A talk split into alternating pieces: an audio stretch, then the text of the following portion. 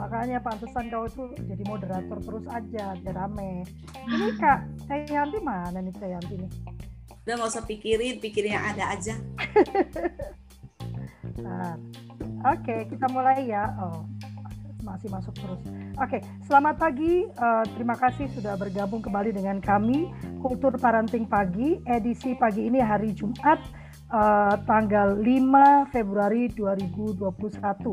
Uh, acara ini adalah persembahan dari Kultur Metamorfosa, Persekutuan Keluarga Pendidikan dan Manajemen Keluarga. MK, uh, udah ketahuan dong MK itu pasti Meli Kiyong ya, Manajemen Keluarga. Menata. Uh, eh, oh iya. Aduh, ada kayaknya kayaknya ada yang disuruh push up nih habis ini nih. Ada kelihatan di depan mata ininya menata keluarga. Ya, acara ini kami persembahkan pagi untuk para orang tua uh, karena kami percaya parenting itu adalah sebuah budaya, makanya namanya kultur parenting. Maka kami menghadirkan beragam uh, pembicara uh, parenting dengan konsep dan metodenya masing-masing agar keluarga bisa memilih sesuai dengan value yang dimiliki oleh keluarga tersebut. Tentu saja tetap berpegang bahwa ini semua adalah demi kepentingan terbaik anak. Ya, seperti biasa, eh Pak Trigun sudah hadir. Kak Meli yang akan meramaikan suasana kita. Kita juga live juga di YouTube channel Kultur Parenting dan nanti akan tersedia di podcast kami Kultur Parenting. Silakan Cimeli, aku bagikan uh, YouTube-nya dulu. Oke, terima kasih. Selamat pagi. Ini banyak-banyak uh, teman-teman yang sangat setia sekali. Karena apa? Teman-teman yang setia ini pasti sadar bahwa dia adalah orang tua, ya. Yang nggak setia, saya nggak tahu deh, ya. Oke, biasa. Saya seneng banget bercanda. Kemarinnya kehilangan kan kalau aku nggak ada. biasa sih bawel. saya belajar bawel dulu sebelum waktunya gitu ya, eh, Bu Novita ya.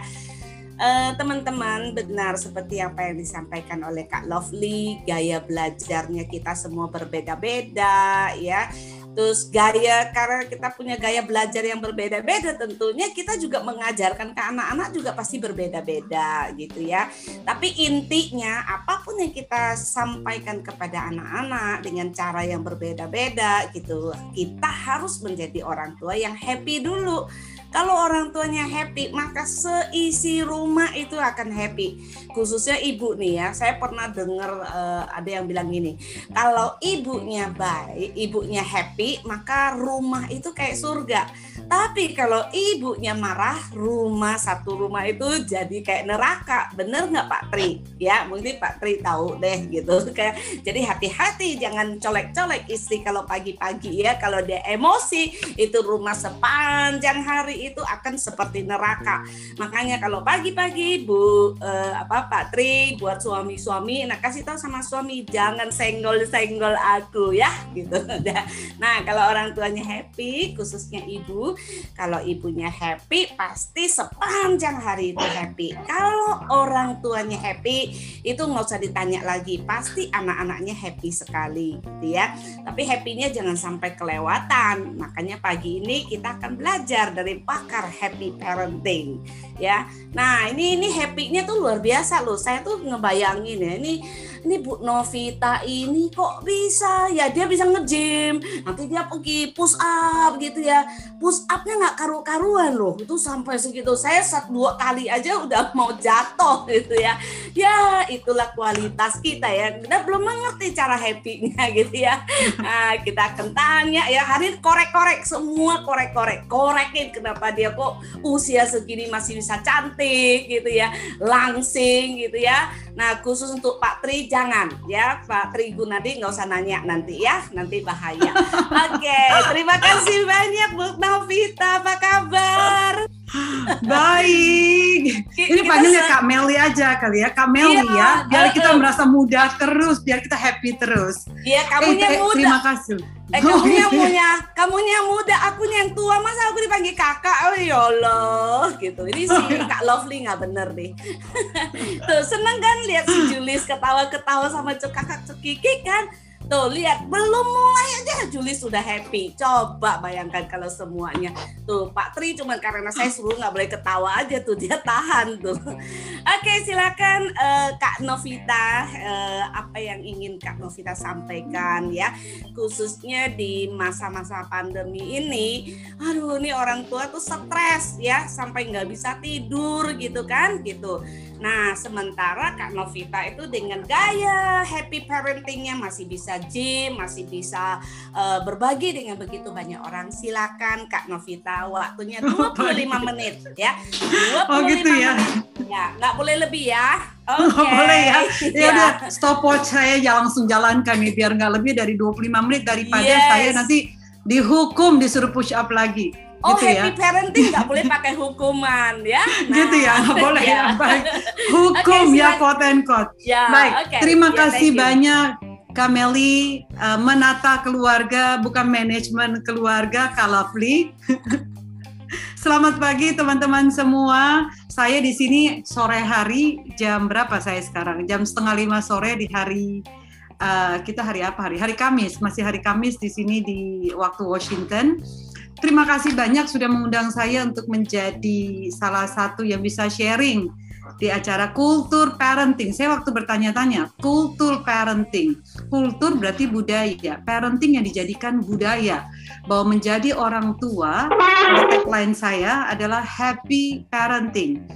Bicara happy, bicara bahagia, kalau kita bicara di zaman Socrates, Plato, Aristotle, jauh ke belakang berapa ribu tahun yang lalu yang mereka cari dalam hidup apa sih sebenarnya?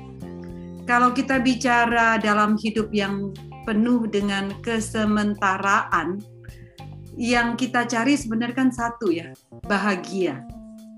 Menjadi hmm. happy. Tapi definisi happy, happiness, bahagia itu beragam-ragam. Ada yang katakan happy itu is the state of mind jadi katanya when you think of happiness is is come from your thought. Dari dari pikiran kita katanya. Waktu kita berpikir I choose to be happy, then you will tell to yourself that you are happy. Hmm. Dan ada juga yang katakan bahwa bahagia itu adalah eudaimonia. Bahwa eudaimonia itu kalau dikatakan Socrates uh, adalah kebahagiaan di mana kita bisa menjadi berkat buat orang lain.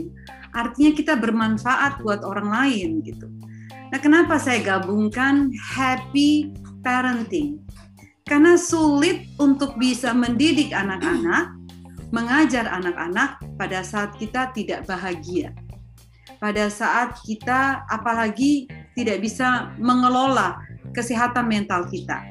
Saya juga punya tagline yang lain disebut dengan happy healthy parenting uh, saya gabungkan keduanya nih Kak Meli.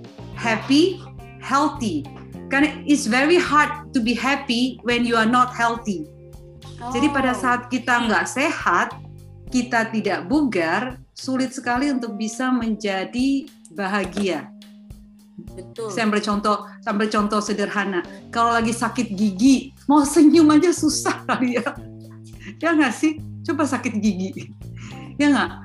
mau senyum aja susah kayaknya itu nerve-nya semua sampai di ujung-ujung pembuluh darah di otak ini semuanya tegang gitu mau sebelum mau narik aja itu tuh susah sekali dan saya ya? gabung ya? exactly dan gabungan dari happy dan healthy ini mungkin paling kita rasakan di masa pandemi yang hampir satu tahun ini ya bahwa yang kita cari sekarang yang paling kita kejar menjadi sehat Nah, sehat bicara sehat menjadi satu apa ya?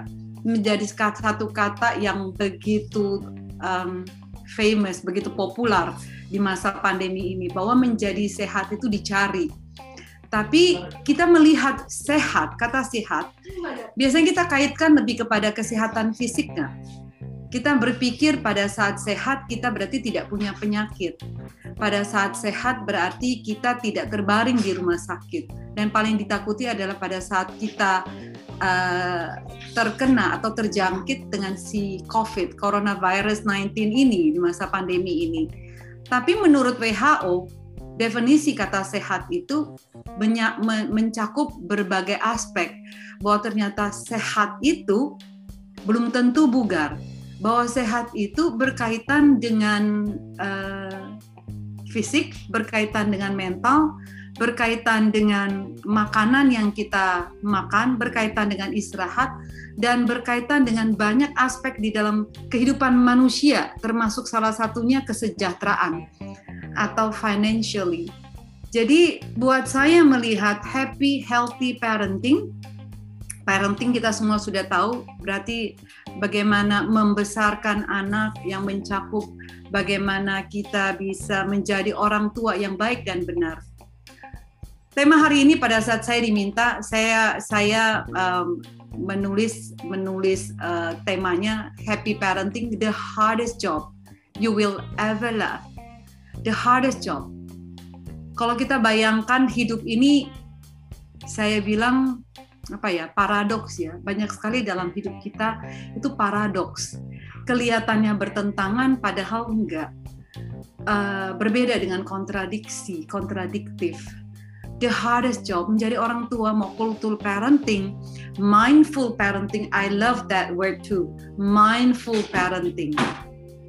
Bagaimana kita uh, mindful, bagaimana pikiran kita benar-benar ada kehati-hatian di situ.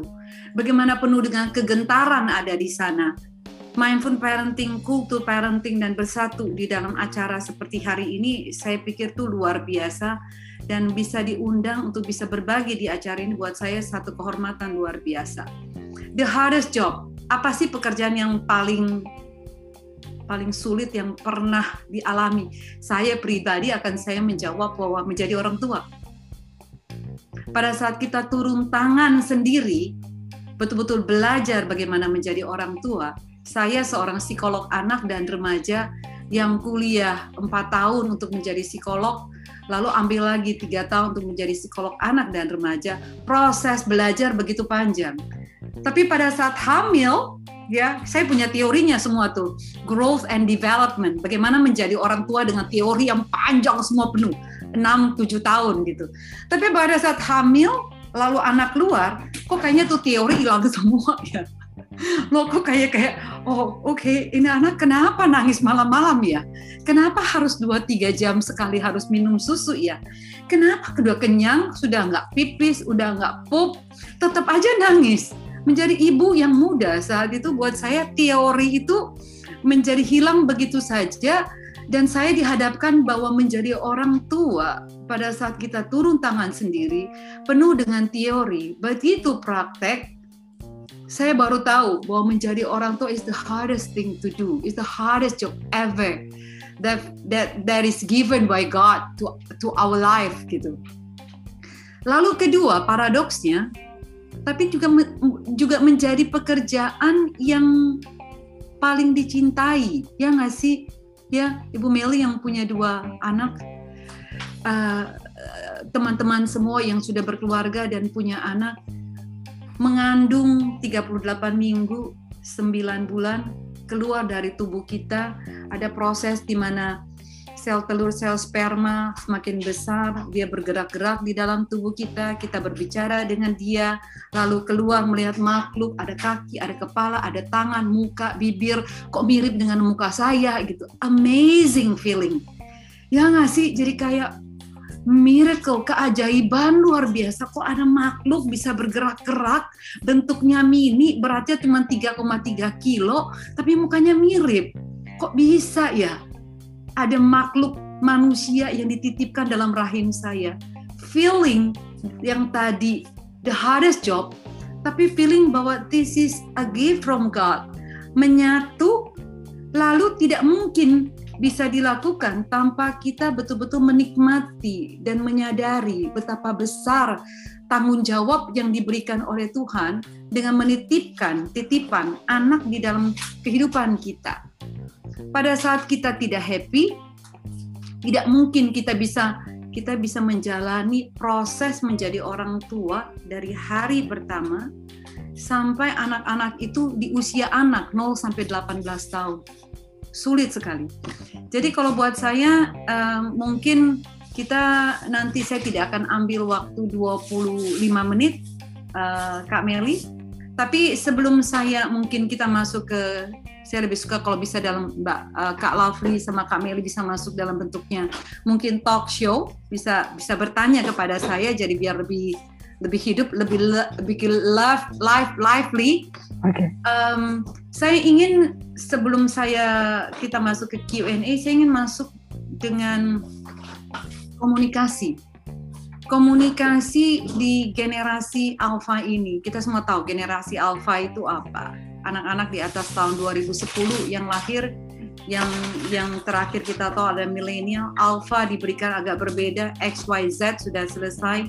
Generasi alpha ini menjadi generasi akan mendominasi nanti di bonus demografi berapa belas tahun ke depan ini. Dan saya melihat bahwa komunikasi dengan generasi alpha di mana freedom insight freedom, kebebasan anak di dalam dia, di dalam genggaman tangan mereka yang berbeda dengan generasi sebelumnya. Datang dari orang tua generasi X, datang dari orang tua yang juga milenial, punya anak-anak generasi alpha ini ada gap di sana. Di mana AI, artificial intelligence, kita bicara bagaimana neuroscience di mana anak-anak ini tumbuh dan berkembang berbeda dengan generasi sebelumnya.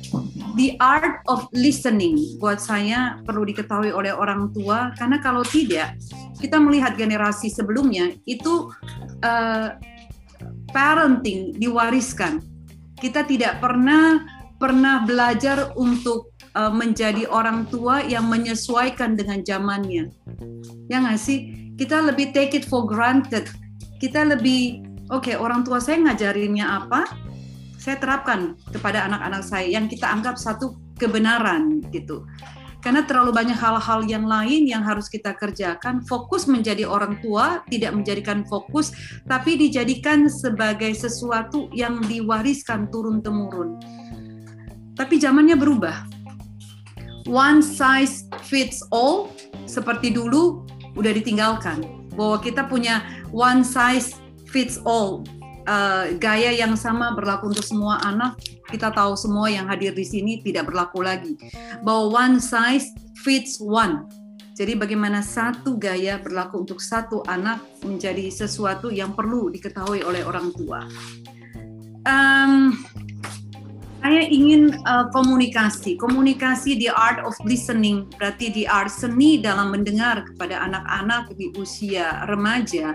Karena kalau 2010 sekarang sudah masuk 11 tahun, anak-anak sudah masuk di pra remaja bahkan di remaja atau mungkin ada beberapa beberapa expert yang mengatakan bahwa generasi alpha yang lahir di atas tahun 2005 itu sudah mulai ada jadi kalau bicara 2005 anak-anaknya sekarang 16 tahun, masa-masa yang sulit, masa-masa yang tidak mudah, hormonal berubah, tantangan begitu tingginya. Dalam ruang konseling saya, khususnya di masa pandemi ini, saya melihat ada tiga hal yang begitu dominan di dalam di dalam ya, ruang konseling. Yang pertama, uh, pornografi yang paling banyak ya dominannya. Yang kedua adalah LGBTQ. Q itu mewakili semua. Ada LGBTQ, Q itu macam-macam. Ada yang disebut dengan asexual, ada yang disebut dengan panseksual. Kita nggak bahas di sana. Dan yang ketiga adalah agnostik. Agnostik menurut saya sangat-sangat berbahaya karena agnostik ini menjadikan anak-anak yang akhirnya uh, meninggalkan agama dan akan berkaitan dengan kultur, budaya, karena budaya tidak terlepas dari agama. Kalau sampai anak-anak ini meninggalkan agama terus menjadi agnostik, anak-anak tidak punya basic yang kuat untuk bisa menghadapi kehidupan yang penuh dengan tantangan ini. Informasi, resources, sources jadi begitu terbukanya anak-anak tidak punya pegangan. Jadi yang pertama tadi pornografi, LGBTQ dan agnostik. Ini perlu betul-betul di, uh, diketahui oleh orang tua sehingga orang tua bisa lebih waspada masuk ke dalam dunia anak-anaknya untuk mengerti dan memahami mereka. Tanpa itu akan sulit sekali. Lalu berkomunikasi, tiga kata kunci pada saat berkomunikasi dengan anak khususnya yang remaja. Satu, anak harus tahu bahwa dia dikasihi. Harus tahu bahwa dia dikasihi. Bahwa pada saat anak dikasihi, dia akan tahu bahwa unconditionally love itu hadir di situ, cinta tanpa syarat. Tapi cinta yang ditunjukkan saat ini adalah cinta penuh dengan syarat. Kalau kamu baik, mama sayang. Kamu nilainya nggak bagus, mama sedih. Mama mama uh, nggak suka, rasa sayangnya hilang. Tanpa sadar kita keluarkan kata-kata. Lebih parah lagi kalau nggak mau makan ditangkap polisi. Kasihan polisinya. Terus yang kedua, dia harus sadar bahwa dia dipahami, dimengerti dipahami bahwa dia adalah sebagai seorang anak yang unik dan berbeda. Dan yang ketiga adalah anak harus tahu bahwa dia dipercaya. Nah, tiga hal ini kalau buat saya di art of uh, communication dengan anak-anak generasi alpha uh, menaruh dan yang yang yang menutupi tiga hal itu adalah relasi. Punya relasi yang baik. Karena kalau relasi relasi rusak, akan sulit sekali untuk bisa membina hubungan yang baik dengan anak. Lalu posisi. Posisi bagaimana orang tua punya otoritas di dalam keluarga, orang tua punya kasih yang tadi, tapi sekaligus orang tua juga punya adil.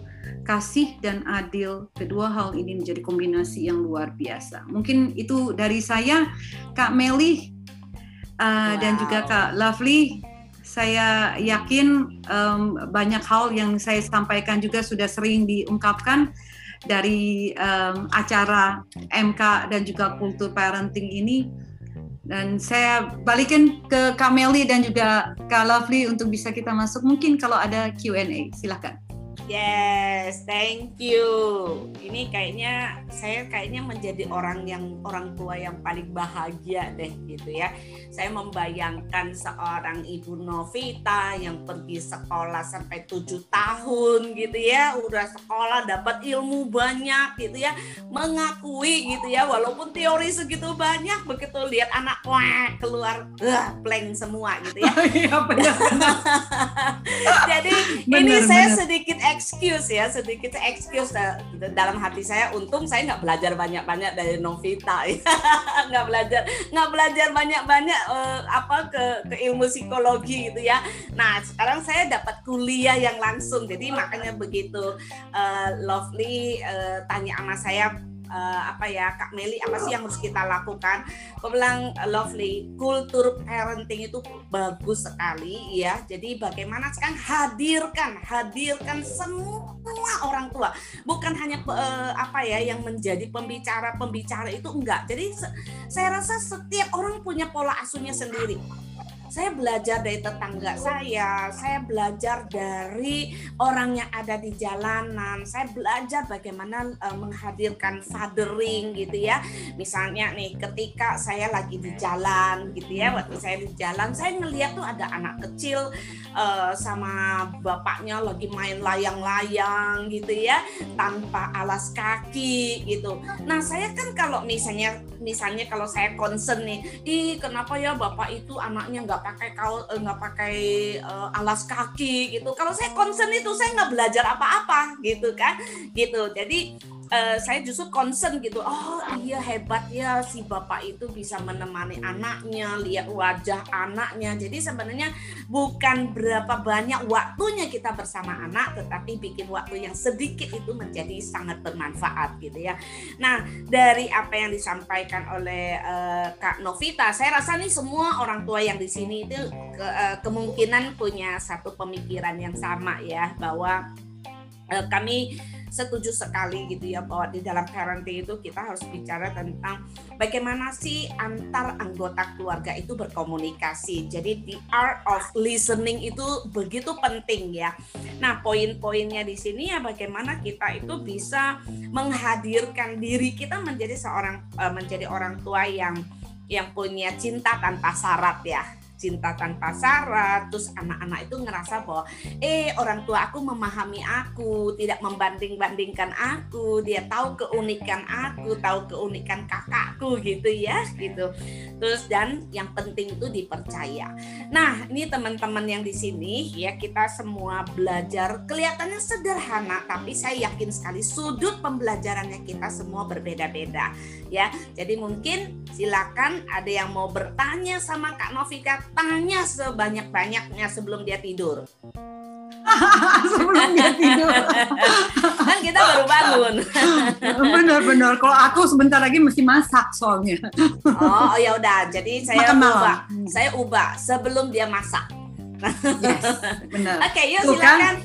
Julis, apa yang mau ditanyain? Nah, sekarang boleh Pak Tri boleh tanya deh. Kasihan tadi kayak mukanya memelas banget. Hai Mbak Dini itu Mbak Dini ku ada. Oke. Okay. Silakan yang mau tanya. Silakan Selamat Pak. pagi, salam kenal Kanovita. Salam kenal Mas Tri, apa kabar? Alhamdulillah baik.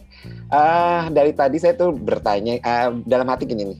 Sebenarnya perbedaan besar antara parenting di sana gitu ya di Washington DC sama di Indonesia yang yang yang jelas kan berbeda ya karena kita lebih ke extended family ya, di sana lebih kalah nuclear family dan uh, di era sandwich generation seperti ini itu uh, hal positif apa sih di Indonesia yang sebenarnya kita kita harus sadari orang kan gini sebenarnya kalau ngomongin ke, ke kelemahan banyak banget lah ya. Kayak tadi tuh misalnya boro-boro listen uh, uh, orang tua di Indonesia yang harus belajar tentang uh, listening gitu.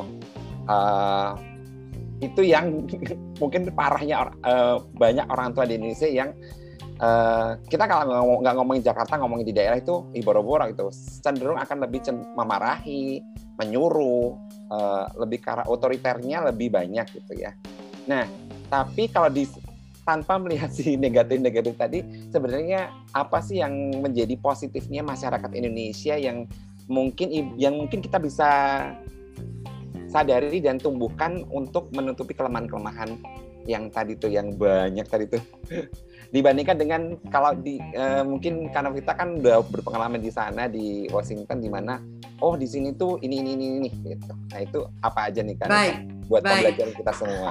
Baik. Terima kasih. Terima kasih.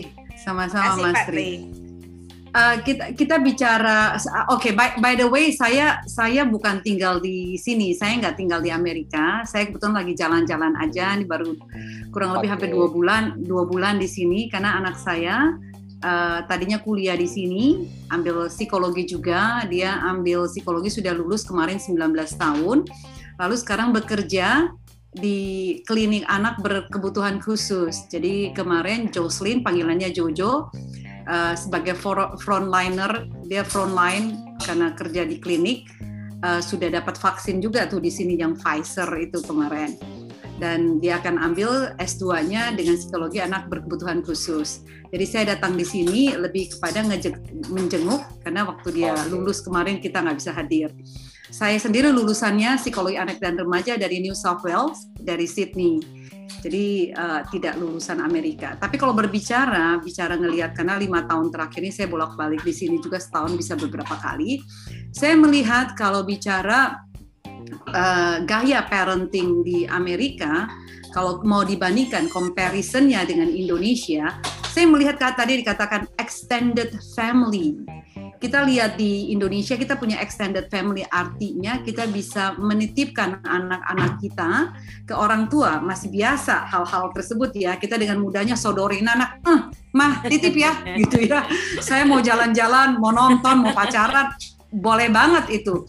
Tapi tapi mesti diperhatikan uh, salah satu hal yang positif itu dengan extended family adalah uh, orang tua zaman sekarang kan sangat-sangat punya sumber-sumber parenting. Kalau kita lihat dengan kultur parenting, mindful parenting, happy parenting, dengan parenting-parenting yang lain dengan metode yang berbeda-beda. Um, Uh, mereka belajar banyak, jadi ilmunya banyak banget. Haus sekali orang tua belajar tentang parenting karena mereka tahu mereka kurang di sana dan ini yang biasanya menjadi bentrok dengan orang tuanya sendiri. Karena orang tuanya akan berkata begini, misalnya kita tahu nih metodenya beda. Si kita sudah pakai dengan metode yang yang baru gitulah ya. Mereka pasti masih pakai yang lama misalnya. Dan hal-hal yang ini biasanya tidak menjadi satu suara. Akhirnya ada bentrok di sana dan orang tua biasanya karena kita ada unsur kultur di dalam budaya untuk hormat kepada orang tua, respektasi kepada orang tua, nggak boleh terlalu banyak membantah yang enggeh enggeh yang nunduk terus bahkan tidak berani menatap muka orang tua dari kecil kan kita diajarkan. Dan itu berbeda sekali dengan generasi sekarang.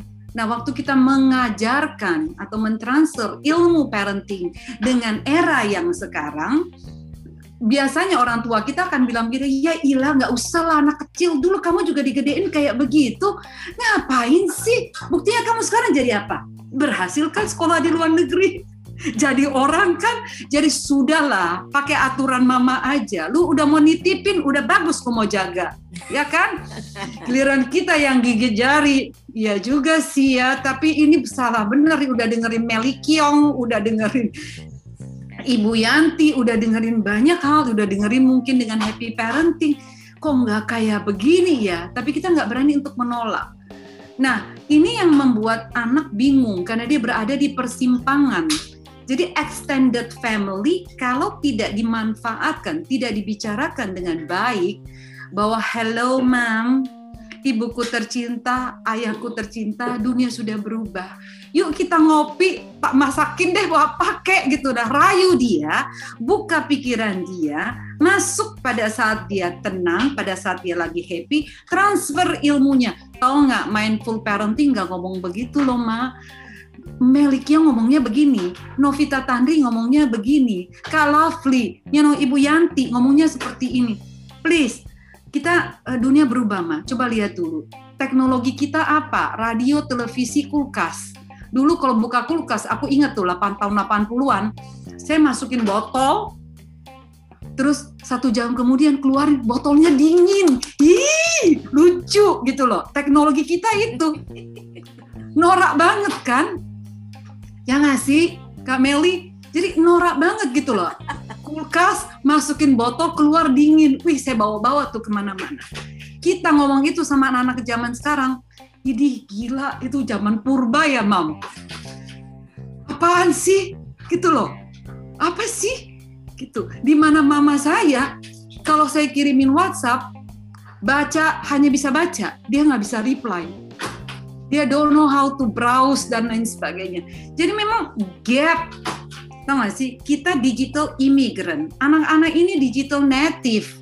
Yang lahir udah langsung dengan dengan semua teknologi ini. Jadi kalau buat saya uh, ada hal-hal yang kita bisa terima kayak bicara tradisi, budaya dengan sungkem dengan salim walaupun sekarang udah nggak bisa dilakukan dulu ya selama beberapa tahun ke depan gitu ya sungkeman ini kalau buat saya dengan salim ini uh, yang harus dipertahankan sebagai bagian daripada budaya tapi juga banyak hal-hal yang dari sini kalau buat saya semacam seperti kemandirian mereka makan sendiri. Makanan mereka itu sayur wortel dikunyah-kunyah. Brokoli dikunyah-kunyah. Itu benar-benar makanannya tuh kalau saya perhatikan ya yang saya lihat ya uh, super sehat. Dan anak-anak kalau makan di restoran itu nggak ada gadget. Benar-benar itu mereka makan sendiri suap diri sendiri berantakan sih ke mana-mana tapi nggak ada yang lari-larian. Nggak ada yang bawa suster kucuk-kucuk kucuk-kucuk di, di, di, disuapin. Lalu anak sama sekali nggak ada yang main gadget. Duduk makan nikmati makananmu bicara dengan orang tua. Dan orang tuanya juga nggak ada yang pegang gadget. Yang terjadi di kita suster pegang gadget anaknya nonton gadget bapak mama nonton gadget. Makan selesai sambil lihat gadget nggak ada yang ngomong. Jadi kalau buat saya hal-hal yang seperti itu kita bisa tiru tapi banyak hal juga yang dari budaya kita yang buat saya bisa kita adopsi dan bisa kita terus lestarikan. Jadi tinggal kita sebagai orang tua untuk memilah dan memilih menyaring apa yang kira-kiranya baik buat kita uh, untuk mempertahankan budaya yang ada. Seperti kalau saya lihat juga sekarang Indonesia uh, rambutnya udah yang berponi semua nih laki-laki gitu ya. Uh, udah kayak gara-gara Korea semua. Bahkan wajah-wajah juga mulai kelihatan sama semua gitu ya. Mungkin dengan dengan uh, pisau-pisau bedah gitu ya. Kalau buat saya tidak ada yang salah itu semua pilihan hidup. Tapi kalau anak-anak bisa uh, menjadi diri sendiri dan penerimaan diri ya Kameli ya Cimeli ya kalau bicara ya. penerimaan diri acceptance self acceptance menerima diri sendiri ini juga menjadi tantangan luar biasa karena anak anak punya self esteem, self worth, penghargaan akan diri uh, penilaian atas diri, estimasi atas diri yang juga begitu rendahnya sehingga merasa bahwa saya tidak berharga. Bullying terjadi bahkan uh, keinginan untuk membunuh diri sendiri bahkan tidak bisa menerima diri sendiri itu yang terjadi. Nah, ini yang juga benar-benar harus diperhatikan oleh orang tua uh, untuk tidak apa ya membuli quote and quote anak sejak dini, sejak kecil. Karena ada kalimat-kalimat kata-kata yang tanpa disadari itu membentuk self esteem anak akhirnya tidak di porsi yang pas menjadi anak yang either superior atau menjadi anak yang inferior. Superior berarti dia menestimasi dirinya terlalu tinggi dari uh, estimasi yang sebenarnya atau terlalu rendah akhirnya menjadi inferior, menjadi anak yang uh, rendah ra, rendah rasa percaya dirinya terus membandingkan orang lain dengan hidup dia dan merasa bahwa saya tidak pernah berharga, tidak pernah layak untuk hidup. Panjang sekali jawabannya ya Mas Ria, semoga berkenan. Terima kasih. Ya. Nah, di uh, ya udah jelas ya Pak Tri. Ini kayaknya mungkin ada sedikit yang uh, saya mau. Aku panggilnya Mas Tri, uh, uh, Kameli. Soalnya kelihatannya masih muda banget, jadi panggil Mas aja. Oh oke, okay. ya udah saya ikutan deh.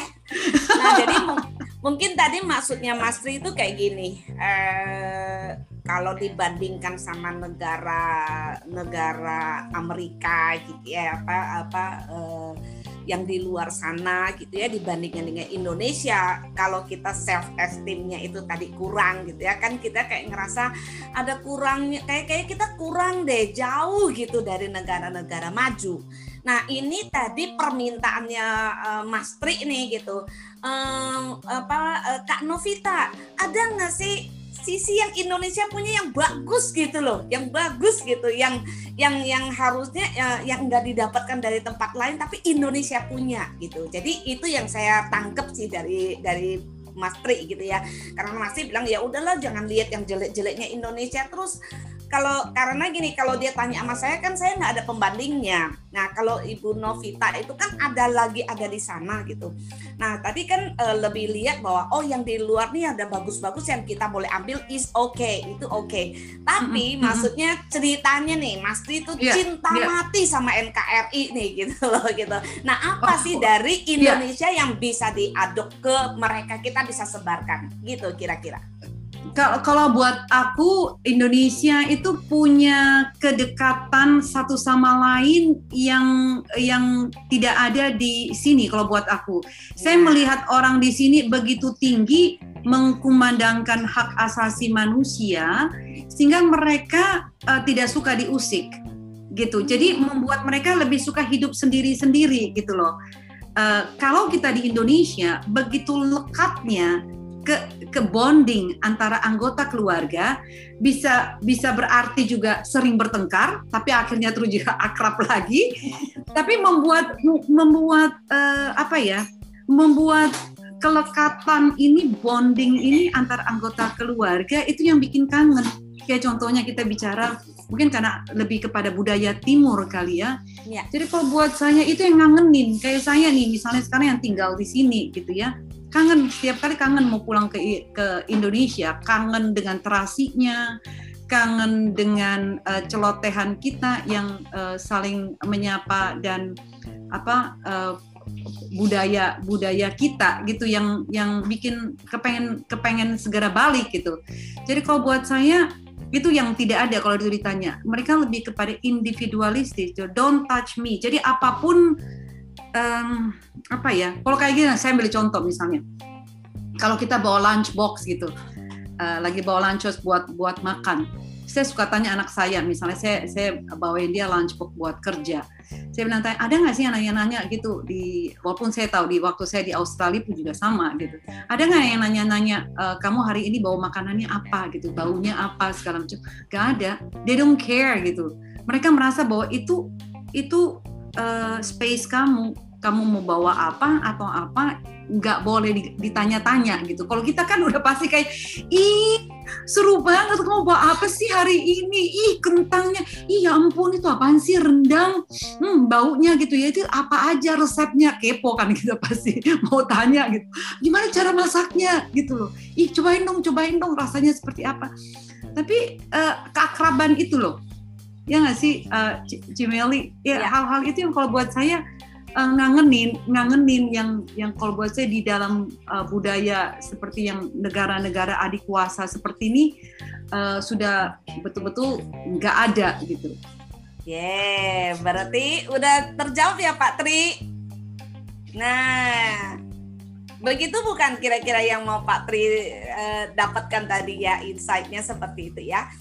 Ya, jadi artinya gini, uh, kita nih sebagai apa warga negara Indonesia, kita harus paham betul gitu ya bahwa budaya Timur itu uh, sangatlah luar biasa ya.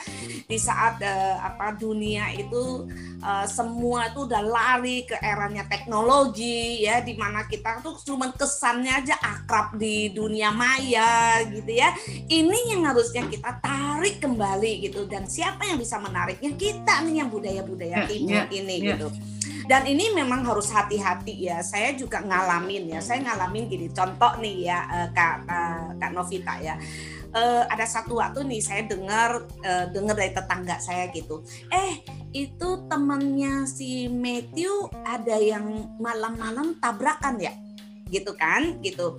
Oh, yang mana? Kan jadi kepo nih kita ya yang mana uh, enggak kata anak saya itu temannya Matthew. Jadi saya tanya ke Matthew dek itu ada temannya kamu yang tabrakan ya?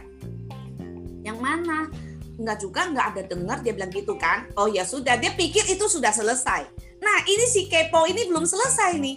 Saya ke ke ke tempat uh, lagi apa beli bahan bangunan. Dan itu temennya si Matthew lagi. Saya tanya lagi ada nggak temennya kamu yang yang tabrakan? Gitu kan gitu. Nah ternyata uh, dia juga nggak tahu. Karena mereka itu nggak mau membicarakannya katanya gitu kan nah akhirnya ternyata di di yang jual bangunan itu confirm lagi gitu. Itu tadi saya ditanya sama mamanya Matthew gitu kan. Nah jadi rame lah di situ. Akhirnya si Matthew datang ke saya.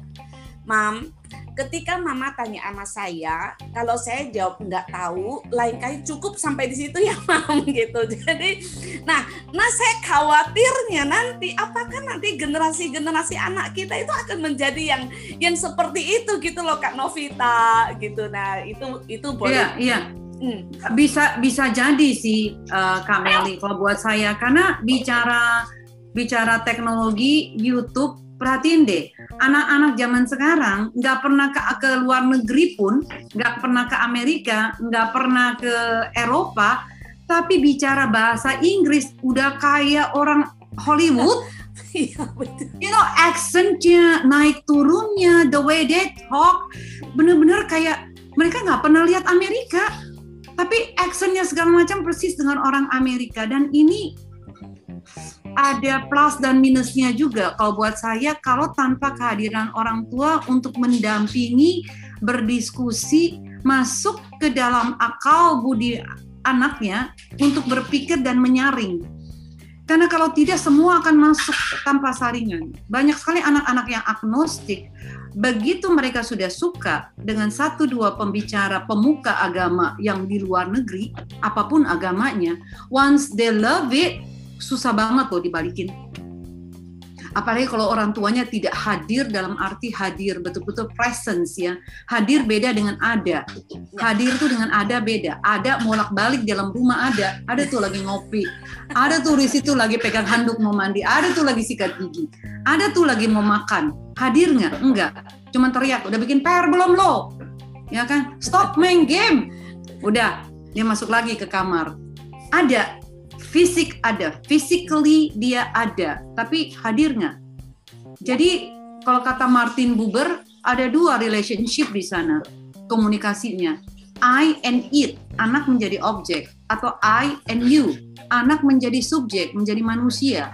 Kehadiran ini penting banget sehingga anak yang punya akal budi, yang punya ini bagian atas ini yang disebut dengan prefrontal cortex yang di mana mereka uh, bisa bisa berpikir kalau kata kata Rene Descartes cogito ergo sum aku ada maka aku berpikir jadi waktu dia berpikir ini sebagai satu-satunya makhluk yang diciptakan Tuhan punya akal budi itu harus dilatih. Nah, pada saat dia tidak dilatih sejak dini, anak ini akan menyerap semuanya tanpa saringan. Dan waktu ini terus-menerus di usia anak ini tanpa ada saringan, ada orang tua yang ber, diajak bercerita, begitu semua sudah masuk, kita menyadari lewat usia anak atau dia dibawa keluar keluar negeri gitu ya dianggap secara akademik oke okay, nilainya bagus gitu straight A gitu ya secara yeah. akademik siap gitu tapi tidak siap secara kecerdasan.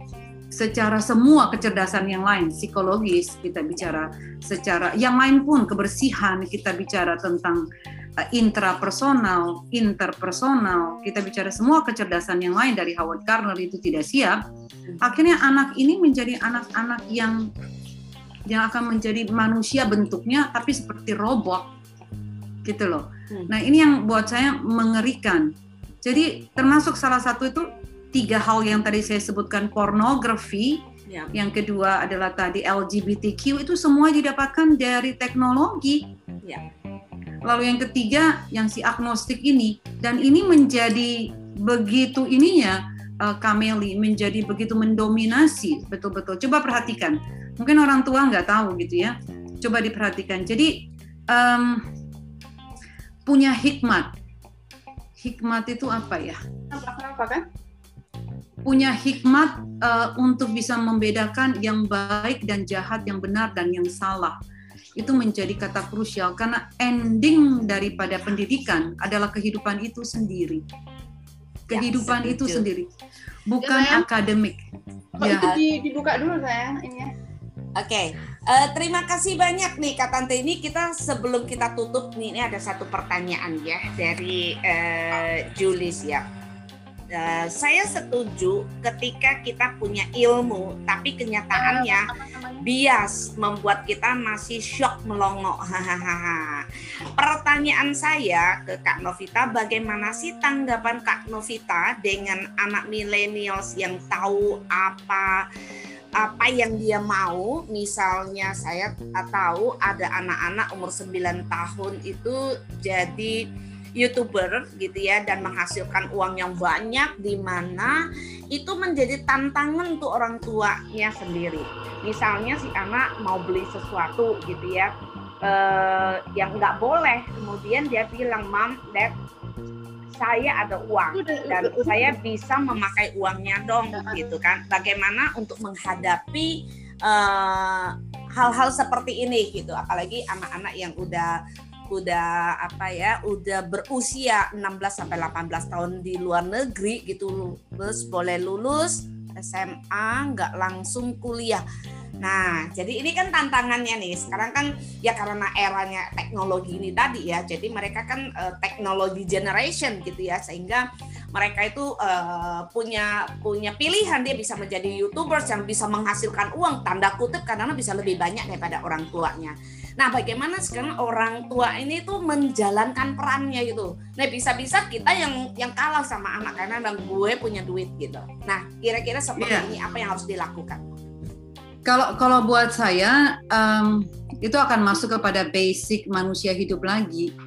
Kalau itu ditanamkan dari kecil bahwa bagaimana orang tua hidup, apa sih makna hidup setiap keluarga kan punya destinasi ya, ada makna hidup yang ditransfer kepada anak-anak sejak dini. Kalau orang tua hidup adalah hidup dengan hedonisme, bahwa hidup ini yang dicari adalah kekayaan, bagaimana memperkaya diri dengan materi sekaya-kayanya, dengan cara apa pun, yang penting lu kaya. Ya contoh misalnya, dari kecil diajarkan bahwa kalau lu nanti bisa menghasilkan uang, lu baru boleh ngerokok asal pakai duit lu sendiri. Paham nggak sih? Oh. Kalau itu ditanamkan kepada anak, when you have your own money, then you can buy it with your own money, anak akan berpikir bahwa ternyata gua ini dibesarkan, disekolahkan, tujuannya cuma satu, untuk punya uang banyak. Kalau anak dari kecil dihadapkan, jadi bicara tadi kebahagiaan, ada yang saya sebut dari Socrates di zaman eh, Yunani lama disebut dengan eudaimonia, bagaimana bahagia untuk menjadikan menjadi berkat buat orang lain, ada satu kebahagiaan yang namanya hedonisme, bahwa hidup ini hanya untuk mengumpulkan kekayaan. Kalau dari kecil anak melihat orang tua hidup yang penting kaya, kan mereka menjadi refleksi kita, cerminan kita. Yes. Apa yang kita dapatkan uang dari menipu orang lain, misalnya gitu ya, uh, bilangnya uh, uh, tau gak sih ya misalnya kita lihatlah di mana di toko ini ini modal loh ini modal loh ini saya cuman ini modal saya segini nih ini udah jual modal sama kamu mbak. Padahal sebenarnya dia undang udah untung 60% udah untung 90% ngerti gak sih? Saya nggak untung sama sekali buat kamu lah gitu Terus udah itu di belakang dia bilang sama anaknya, "Ih, gua tipu." gitu ya. Padahal sebenarnya untung kita berapa persen. Anak akan melihat, menyerap terus-menerus. Mereka disebut dengan absorbent mind. Bahwa yes. mereka di masa penyerapan apa yang dia senses dengan five senses dia dan dia punya akal budi itu semua direkam bahwa hidup orang tuanya adalah untuk kaya. Anak akan mencari bagaimana cara celahnya untuk jadi kaya dan menghasilkan uang tapi kalau dari kecil bagaimana orang tua hidup, bagaimana bagaimana hidup untuk cukup, tahu kapan cukup, enough, when is enough. Kapan sih is enough? Kita bicara kepuasan. Never akan jawabannya untuk puas. Nah, pada saat you know when to stop, when is enough, anak akan melihat bahwa uang penting, tapi uang bukan satu-satunya yang terutama dalam hidup ini kamu dapat uang, tapi hidup kamu mendapat uang dari yang halal, yang diberkati. Dan anak-anak akan melihat bahwa menjadi YouTuber dengan punya uang dan bisa membeli apa pun, itu bukan tujuan hidup saya.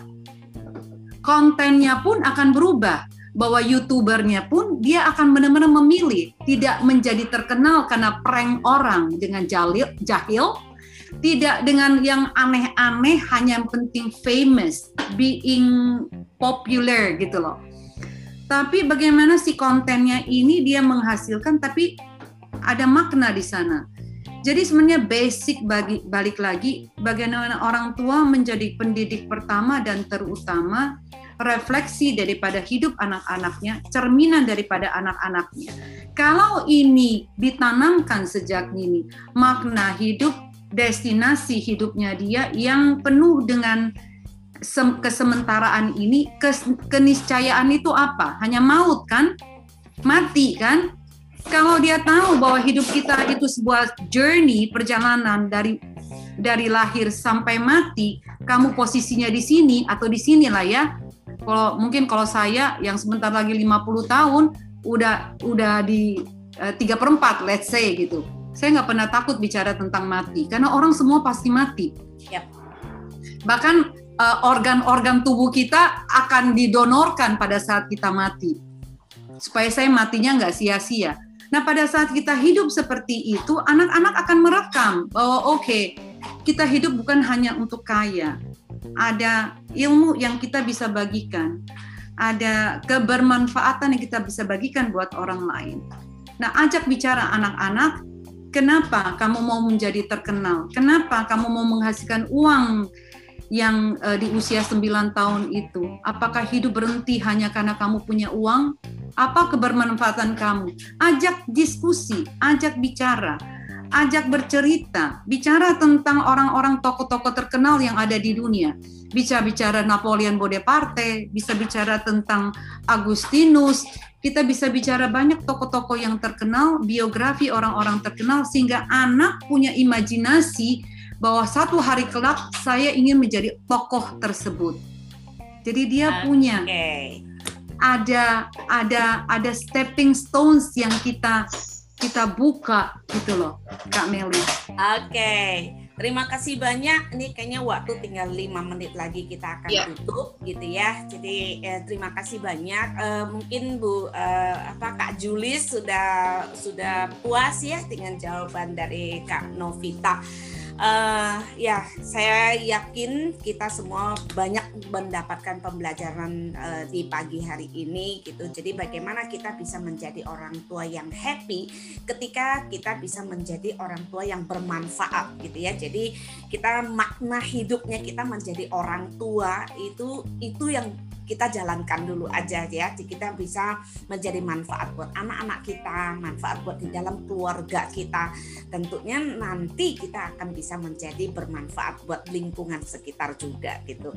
Terima kasih Betul. banyak Kak Tantri eh Pak Tantri Pak eh, Mbak Novita ya. Kak Novita luar biasa sekali Sama-sama. ilmunya ya. Jadi memang uh, saya yakin banget Lovely ketika memilih orang-orang yang akan berbagi di kultur parenting itu tentunya sudah disaring-saring sama sama Lovely ya. Sehingga kita semua dapatnya bukan hanya ilmu bukan kulitnya tapi sampai ke daging-dagingnya. Sekali lagi terima kasih uh, salam buat anak-anak ya dan suami ya. Dan saya kembalikan kepada Lovely dia yang akan merap up semuanya karena itu bukan tugas saya oke? okay? Terima kasih. Ya uh, terima kasih Kak Novita terima kasih Cimeli. Uh, kok jadi ada tugas-tugas begitu ya? Ya uh, uh, menarik sekali apa yang disampaikan uh, Kak Novita tadi ya. Tapi satu yang yang menurut saya penting bahwa parenting itu adalah sebuah uh, apa usaha yang terjadi terus menerus Nah, jadi apa yang kita lihat pada anak kita hari ini itu adalah dampak dari apa yang kita lakukan sebelumnya. Jadi itu bukan sesuatu yang muncul secara mendadak sehingga pada waktu terjadi sesuatu yang mungkin menurut kita off itu kita perlu melihat kembali ke belakang apa yang belum kita kerjakan, apa yang sudah kita kerjakan dan bagaimana kita bisa mereduksi ya. Jadi menurunkan dampak itu karena kita tidak bisa mengubah manusia dalam waktu semalam gitu ini bukan bukan bicara tentang mesin gitu kan. Kita hanya bisa me, me, apa menstimulasi pikiran mereka dengan perilaku perilaku kita. Saya senang sekali tadi Kak Novita juga menyatakan bahwa parenting itu urusannya adalah uh, apa uh, contoh tauladan dengan bagaimana kita terus memperbaiki diri, bagaimana kita terus menjadi lebih baik sehingga anak melihat perubahan itu setiap hari, bukan apa yang di, dikatakan dan dikerjakan itu dua hal yang berbeda ya Kak Novi ya.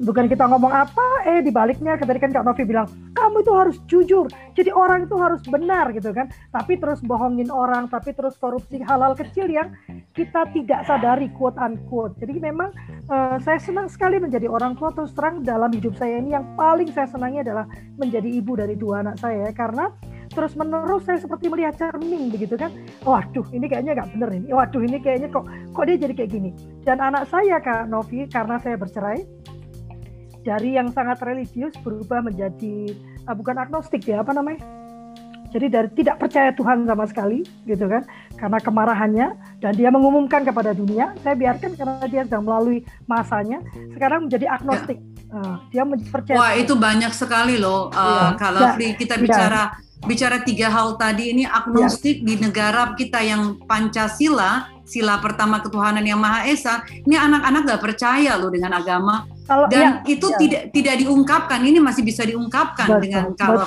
karena dia percaya sama saya saya tidak akan menghakimi gitu kan. Uh, uh, yang saya lakukan saya tidak lalu bicara agama tapi saya menunjukkan kepada dia kehidupan beragama saya. Karena itu juga terjadi bukan semata melihat apa yang ada di ya. dunia luar itu keren gitu tapi dia melihat ketidaksinkronan yang kita ya. lakukan orang dewasa ini katanya beragama tapi perilakunya sehingga dia yes. berpikir ngapain juga saya punya agama gitu kan nah, ini perjuangan berat buat saya sendiri pada anak saya saya terus menunjukkan bagaimana sikap beragama saya gitu sehingga dia melihat oh ternyata perlu. Jadi saya menggugah para orang tua ya pada saat ini kita melihat perilaku-perilaku yang kita anggap ya itu kan anggapan kita menyimpang dari anak-anak kita itu adalah refleksi. Saya sekali Pak Nggak kita tadi bilang ini kan refleksi. Anak-anak itu kan merefleksikan apa yang sudah kita kerjakan, apa yang menjadi ya. diri kita. Mari kita berefleksi lewat kultur parenting ini. Makanya saya juga senang tadi Kak Novi bilang nggak bisa uh, apa yang Lovely katakan itu belum tentu cocok dengan uh, keluarga Bu Sumarti gitu atau keluarga Kak Meli gitu. Tapi ya. teman-teman bisa melihat oh Kak Lovely mengalami ini, ini yang dialami, yang dilakukan. Oh, Kak Novita begini caranya. Oh, mungkin kalau saya padukan, nah tidak ada ilmu yang hakiki, hanya ilmu Tuhan yang hakiki. Jadi ilmu hakiki itu hanya milik Tuhan. Ya, yang bisa kita kerjakan kita padu-padukan ilmu-ilmu yang ada itu kita sesuaikan dengan tata nilai yang kita miliki. Tapi tetap dengan kata kunci adalah demi kepentingan terbaik anak, menghormati semua hak anak, menghargai dan menghormati dia sebagai makhluk yang sedang bertumbuh karena sejatinya kita semua diciptakan serupa dan segambar dengan pencipta kita. Jadi kita melihat dia sebagai makhluk yang sudah diciptakan serupa segambar cuman masih lupa. Ya, masih lupa kalau dia serupa segambar dengan Tuhan. Kita mengingatkan terus dan memberikan tolak dan memberikan contoh. Terima kasih banyak Kak Novita. Saya nggak tahu loh kalau kakak tuh lagi ada di luar negeri. Mohon maaf ya. Uh, saya WhatsApp itu nggak ngeliat waktu karena saya nggak tahu. Saya benar-benar nggak paham. Mohon maaf sekali. Mungkin saya pas WhatsApp kakak lagi jam malam gitu kan. Itu kan namanya mungkin Kak Novita. Iya loh, saya loncat bangun loh. Kaget loh. Tapi WhatsApp WhatsAppnya sembarangan sih. Ampun, ampun, ya. Enggak bercanda, bercanda, bercanda. Tapi itu, itu penting kan, Mati? Karena kita sekarang ini ada di masa semuanya online. Dan kita melupakan batasan waktu. Uh, Menang-menang tinggal Enggak, kok enggak. Aku bercanda, aku bercanda biar dirimu kaget. Tadi Kak bilang saya ada di ini sore saya udah kaget. Oh, karantina nggak di Indonesia tuh. Waduh, berarti aku udah salah tidak memperhitungkan waktu waktu enggak, istirahat. Enggak apa-apa, santai, santai. Terima kasih sudah mau bergabung. Nanti saya minta waktu lagi Kak Novia. Ini adalah acara yang terus kami lakukan setiap hari dan ini memang free ya. Kenapa? Kami merasa bahwa ini adalah darurat parenting. Saya selalu ngomong sama Kak Meli dan Kak Meli sepakat. Ini di darurat parenting. Kita harus mengepung orang tua dengan semua ilmu parenting. Ya, saya berharap teman-teman mau membagikan linknya. Bagikan linknya saja. Kami benar-benar tidak mendapatkan keuntungan apa pun secara materi. Kami hanya ingin anak-anak kita diselamatkan. Apakah uh, bonus demografis ya? Ya. bonus demografi kita tuh benar-benar jadi bonus bukan jadi uh, apa bukan jadi celaka demografi bencana. kita iya bukan jadi bencana demografi. Inilah pentingnya. Uh, saya akan kontak lagi dengan Kak Sri ya. Eh Kak Sri ya uh, Kak Novi ya untuk minta waktu lagi untuk Kak Novi. Uh, selamat menikmati waktunya di Washington DC dingin pasti ya dingin dingin banget. Oh, ya. Selamat memasak-masak ya. Iya. Kalau itu urusan Cimeli karena, karena Mama Lovely ini jarang banget masak. Kalau Cimeli itu tiap pagi tuh luar biasa. Nanti saya ajarin cara masaknya nanti ya. Ya. Oke, okay, kita, oh, kita bikin, bikin Oh ya kita bikin acaranya acara masak gimana Boleh. satu. Sebetulnya kita sudah bicara kultur parenting itu harus bicara tentang gizi juga kak. Ya betul. Ya kemarin kita diskusi oh ternyata memang perlu gizi ya. Dan uh, satu, eh, eh Bu Harsi, Bu Harsiti, ayo lihat kamera. Kok gelap ya Bu? Nggak kelihatan wajahnya. Pak Trigun, udah paling ganteng, lihatnya ke bawah. Uh, Hari ini nggak ada Pak Masri ya? Iya Pak Masri, mungkin kan mereka sedang ini ya, sedang persiapan bimtek sama Bu Yanti. Makanya Teh Yanti juga nggak ada ini. Oh, ya. oke. Okay, okay. Kak Dini, sehat ya Kak Dini. Coba lihat wajahmu pagi ini. Yeay, tuh bayangkan Kak ya di rumah sakit. Ya, kita berdoa buat buat, buat oh, iya, ya, buat kita doakan Kak Dini ya. cepat pulih, cepat pulang. Ya, ya makasih ya. Kak. Makasih. makasih. Cepat sembuh, semangat. Iya. Ini luar biasa ya. Uh, Saya kalau... undang teman-teman bergabung ke Telegram grup kita, Kanovi bergabung dengan Telegram grup kami ya. Uh, jadi kita mau membentuk komunitas parenting, Kak Novi ya. Kita terus kejar para orang tua. Ya satu. Siap. jadi begitu ya instruksional bentuknya. Ya. Satu, dua, tiga. Iya. Oh itu kalau kayak gitu dimarahin Cimeli nanti. Ah, saya mau marah nih, baru mau marah nih.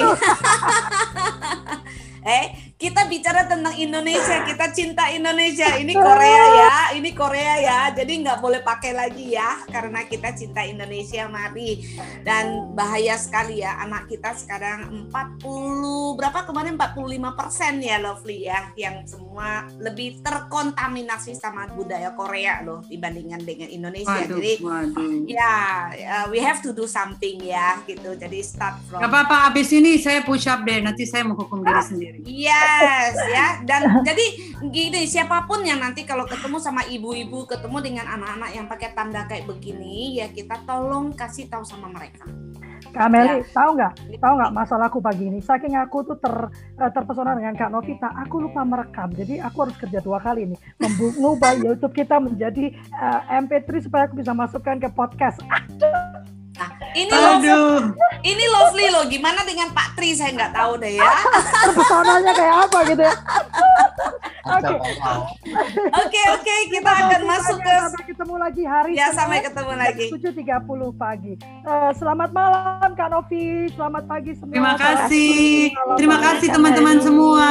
Mari kita Sama. Bye. Lovely bilang selamat malam, saya jadi pengen tidur jadinya. Kak Novinya selamat malam loh gimana? Terima Nah, saya jadi kasih. bingung loh, kan saya ada di mana gitu. Terasa bawa ke ke Washington, DC. Washington. Bye bye. Happy parenting. Terima Bye, kasih. happy semua. Terima kasih. Assalamualaikum. Waalaikumsalam. Waalaikumsalam.